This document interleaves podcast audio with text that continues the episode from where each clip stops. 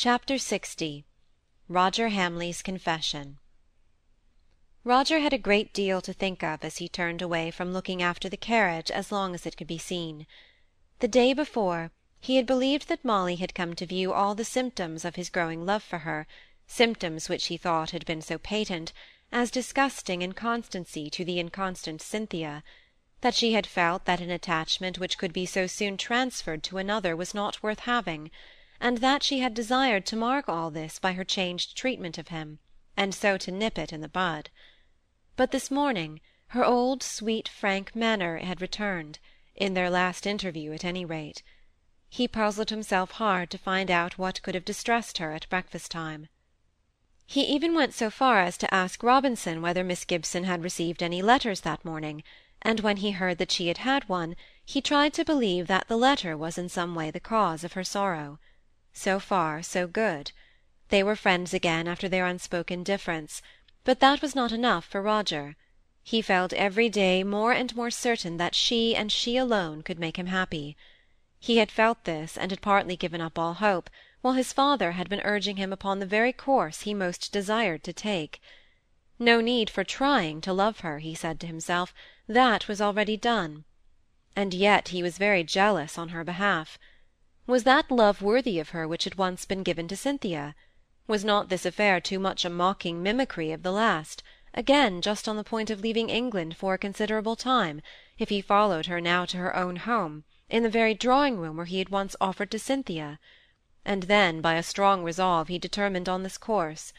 They were friends now, and he kissed the rose that was her pledge of friendship. If he went to Africa, he ran some deadly chances; he knew better what they were now than he had done when he went before. Until his return he would not even attempt to win more of her love than he already had. But once safe home again, no weak fancies as to what might or might not be her answer should prevent his running all chances to gain the woman who was to him the one who excelled all. His was not the poor vanity that thinks more of the possible mortification of a refusal than of the precious jewel of a bride that may be won. Somehow or another, please God to send him back safe, he would put his fate to the touch; and till then he would be patient. He was no longer a boy to rush at the coveted object; he was a man capable of judging and abiding. Molly sent her father, as soon as she could find him, to the Hall and then sat down to the old life in the home drawing-room, where she missed Cynthia's bright presence at every turn. Mrs. Gibson was in rather a querulous mood, which fastened itself upon the injury of Cynthia's letter being addressed to Molly and not to herself. Considering all the trouble I had with her trousseau, I think she might have written to me. But she did. Her first letter was to you, mamma, said Molly, her real thoughts still intent upon the Hall, upon the sick child, upon Roger, and his begging for the flower. Yes, just a first letter, three pages long, with an account of her crossing, while to you she can write about fashions, and how the bonnets are worn in Paris, and all sorts of interesting things. But poor mothers must never expect confidential letters, I have found that out. You may see my letter, mamma, said Molly. There is really nothing in it. And to think of her writing and crossing to you who don't value it, while my poor heart is yearning after my lost child. Really, life is somewhat hard to bear at times. Then there was silence, for a while. Do tell me something about your visit, Molly. Is Roger very broken-hearted? Does he talk much about Cynthia? No, he does not mention her often, hardly ever, I think. I never thought he had much feeling. If he had had, he would not have let her go so easily. I don't see how he could help it. When he came to see her after his return, she was already engaged to Mr. Henderson. He had come down that very day, said Molly, with perhaps more heat than the occasion required. My poor head, said Mrs. Gibson, putting her hands up to her head. One may see you've been stopping with people of robust health, and excuse my saying it, Molly, of your friends of unrefined habits, you've got to talk in so loud a voice. But do remember my head, Molly. So, Roger has quite forgotten Cynthia, has he? Oh, what inconstant creatures men are! He'll be falling in love with some grandee next, mark my words. They are making a pet and a lion of him, and he's just the kind of weak young man to have his head turned by it all, and to propose to some fine lady of rank, who would no more think of marrying him than of marrying her footman." "I don't think it is likely," said Molly, stoutly. "Roger is too sensible for anything of the kind." "That's just the fault I always found with him, sensible and cold-hearted. Now that's a kind of character which may be very valuable, but which revolts me. Give me warmth of heart, even with a little of that extravagance of feeling which misleads the judgment, and conducts into romance. Poor Mr. Kirkpatrick! that was just his character. I used to tell him that his love for me was quite romantic. I think I have told you about his walking five miles in the rain to get me a muffin once when I was ill." "Yes," said Molly, "it was very kind of him." "So imprudent, too just what one of your sensible, cold-hearted, commonplace people would never have thought of doing, with his cough and all." "I hope he didn't suffer for it," replied Molly, anxious at any cost to keep off the subject of the Hamleys, upon which she and her stepmother always disagreed, and on which she found it difficult to keep her temper. "Yes, indeed, he did. I don't think he ever got over the cold he caught that day. I wish you had known him, Molly. I sometimes wonder what would have happened if you had been my real daughter, and Cynthia dear papa's, and Mr. Kirkpatrick and your own dear mother had all lived. People talk a great deal about natural affinities. It would have been a question for a philosopher." She began to think on the impossibilities she had suggested. "I wonder how the poor little boy is," said Molly, after a pause, speaking out her thought. "Poor little child! When one thinks how little his prolonged existence is to be desired, one feels that his death would be a boon." "Mamma, what do you mean?" asked Molly, much shocked. "Why, every one cares for his life as the most precious thing. You have never seen him. He is the bonniest, sweetest little fellow that ever can be. What do you mean?" I should have thought that the squire would have desired a better born heir than the offspring of a servant, with all his ideas about descent and blood and family; and I should have thought that it was a little mortifying to Roger, who must naturally have looked upon himself as his brother's heir, to find a little interloping child, half French, half English, stepping into his shoes." "You don't know how fond they are of him. The squire looks upon him as the apple of his eye." Molly, Molly, pray don't let me hear you using such vulgar expressions. When shall I teach you true refinement, that refinement which consists in never even thinking a vulgar, commonplace thing?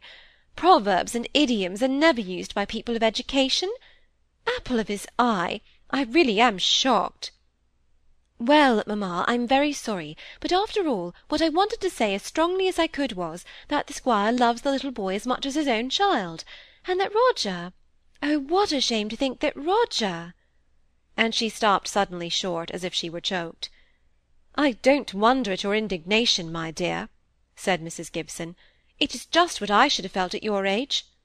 But one learns the baseness of human nature with advancing years. I was wrong, though, to undeceive you so early, but depend upon it, the thought I alluded to has crossed Roger Hamley's mind. All sorts of thoughts cross one's mind; it depends upon whether one gives them harbour and encouragement," said Molly. "My dear, if you must have the last word, don't let it be a truism. But let us talk on some more interesting subject. I asked Cynthia to buy me a silk gown in Paris, and I said I would send her word what colour I fixed upon. I think dark blue is the most becoming to my complexion. What do you say?" Molly agreed sooner than take the trouble of thinking about the thing at all; she was far too full of her silent review of all the traits in Roger's character which had lately come under her notice, and that gave the lie direct to her stepmother's supposition. Just then they heard Mr. Gibson's step downstairs, but it was some time before he made his entrance into the room where they were sitting. "How is little Roger?" asked Molly eagerly. "Beginning with scarlet fever, I'm afraid. It's well you left when you did, Molly. You've never had it. We must stop all intercourse with the Hall for a time. If there's one illness I dread, it is this." "But you go and come back to us, papa."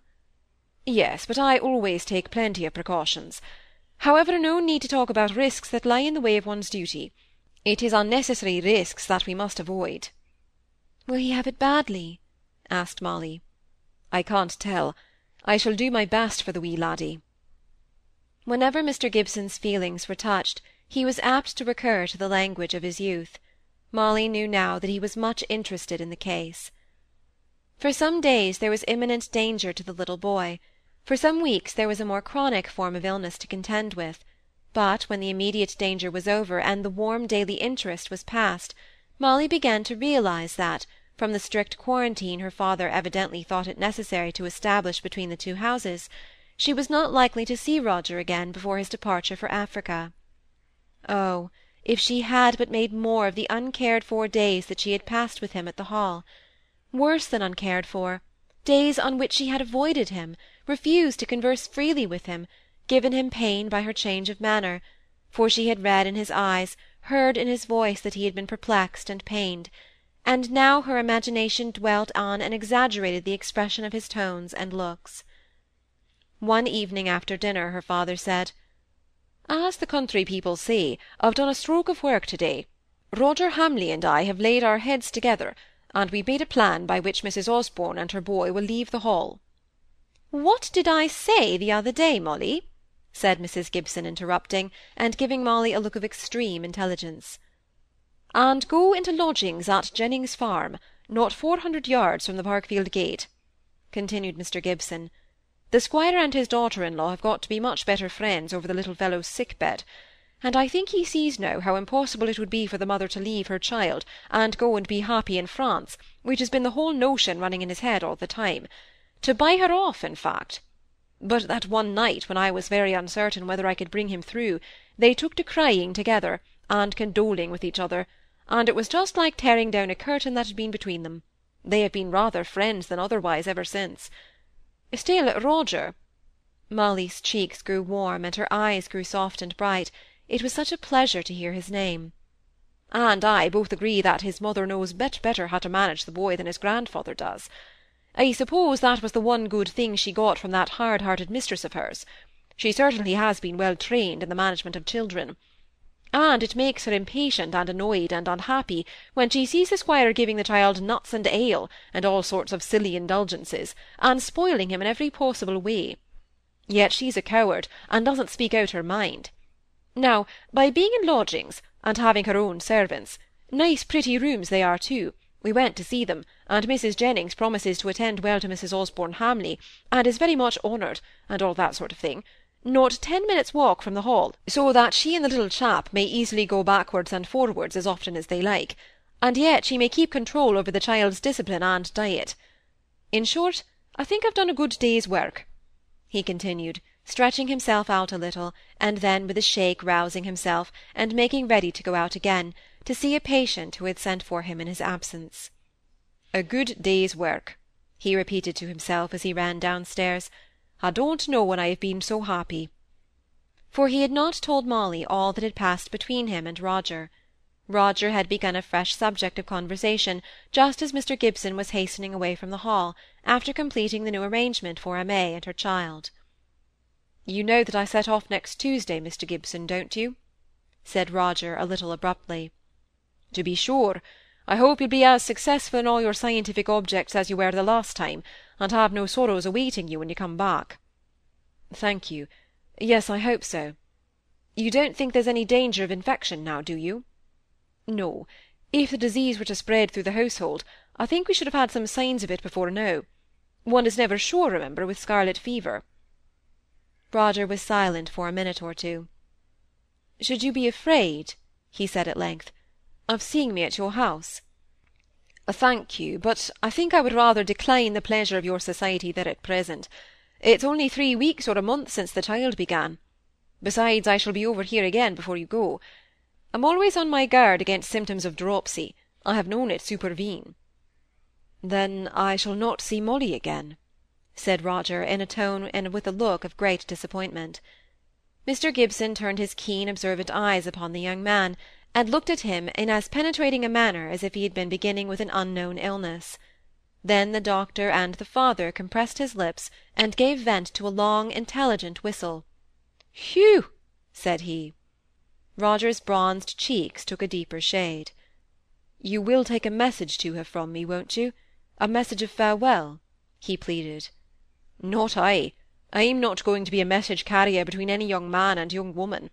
I'll tell my womenkind I forbade you to come near the house, and that you're sorry to go away without bidding good-bye. That's all I shall say. But you do not disapprove. I see you guess why. Oh, Mr. Gibson, just speak to me one word of what must be in your heart, though you are pretending not to understand why I would give worlds to see Molly again before I go. My dear boy, said Mr. Gibson, more affected than he liked to show, and laying his hand on Roger's shoulder. Then he pulled himself up, and said gravely enough, Mind, Molly is not Cynthia. If she were to care for you, she is not one who could transfer her love to the next comer. You mean not as readily as I have done, replied Roger. I only wish you could know what a different feeling this is to my boyish love for Cynthia. I wasn't thinking of you when I spoke, but, however, as I might have remembered afterwards that you were not a model of constancy, let us hear what you have to say for yourself. Not much. I did love Cynthia very much. Her manners and her beauty bewitched me. But her letters, short, hurried letters, sometimes showing that she hadn't really taken the trouble to read mine through, I cannot tell you the pain they gave me. Twelve months' solitude, in frequent danger of one's life, face to face with death, sometimes ages a man like many years' experience. Still I longed for the time when I should see her sweet face again, and hear her speak. Then the letter at the Cape, and still I hoped. But you know how I found her when I went to have the interview which I trusted might end in the renewal of our relations. Engaged to Mr. Henderson. I saw her walking with him in your garden, coquetting with him about a flower, just as she used to do with me. I can see the pitying look in Molly's eyes as she watched me. I can see it now. And I could beat myself for being such a blind fool as to what must she think of me? How she must despise me, choosing the false Duessa! Come, come, Cynthia isn't so bad as that. She's a very fascinating, faulty creature. I know, I know. I will never allow any one to say a word against her. If I called her the false Duessa, it was because I wanted to express my sense of the difference between her and Molly as strongly as I could. You must allow for a lover's exaggeration. Besides, all I wanted to say was, do you think that Molly, after seeing and knowing that I had loved a person so inferior to herself, could ever be brought to listen to me? I don't know. I can't tell and even if I could, I wouldn't. Only if it's any comfort to you, I may say what my experience has taught me. Women are queer, unreasoning creatures, and are just as likely as not to love a man who has been throwing away his affection. Thank you, sir, said Roger, interrupting him. I see you mean to give me encouragement, and I had resolved never to give Molly a hint of what I felt until I returned, and then to try and win her by every means in my power. I determined not to repeat the former scene in the former place, in your drawing-room, however I might be tempted. And perhaps, after all, she avoided me when she was here last. No, Roger, I've listened to you long enough.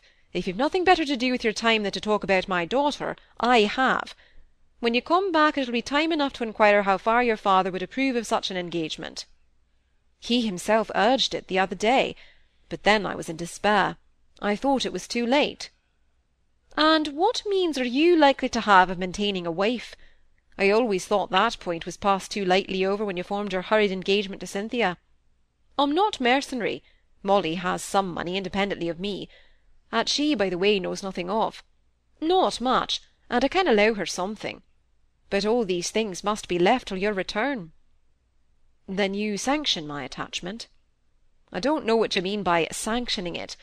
I can't help it. I suppose losing one's daughter is a necessary evil.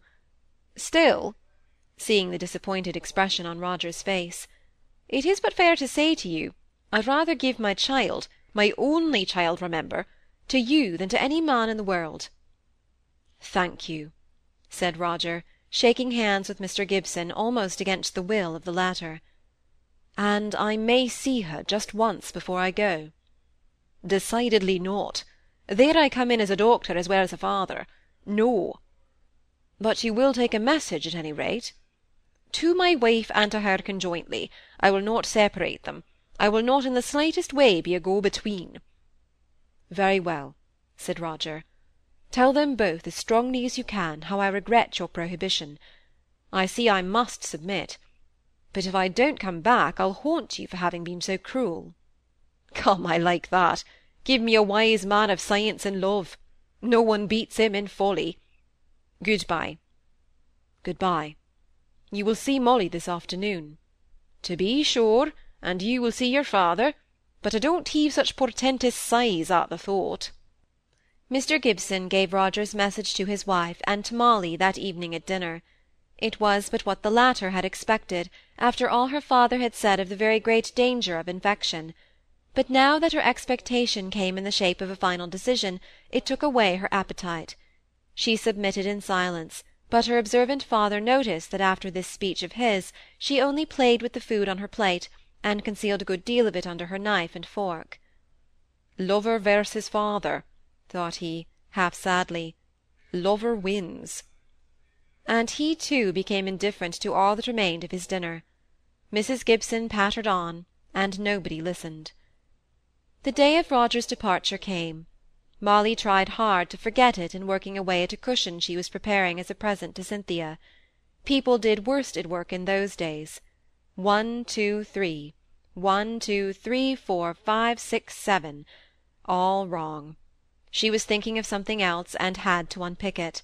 It was a rainy day, too, and Mrs Gibson, who had planned to go out and pay some calls, had to stay indoors. This made her restless and fidgety.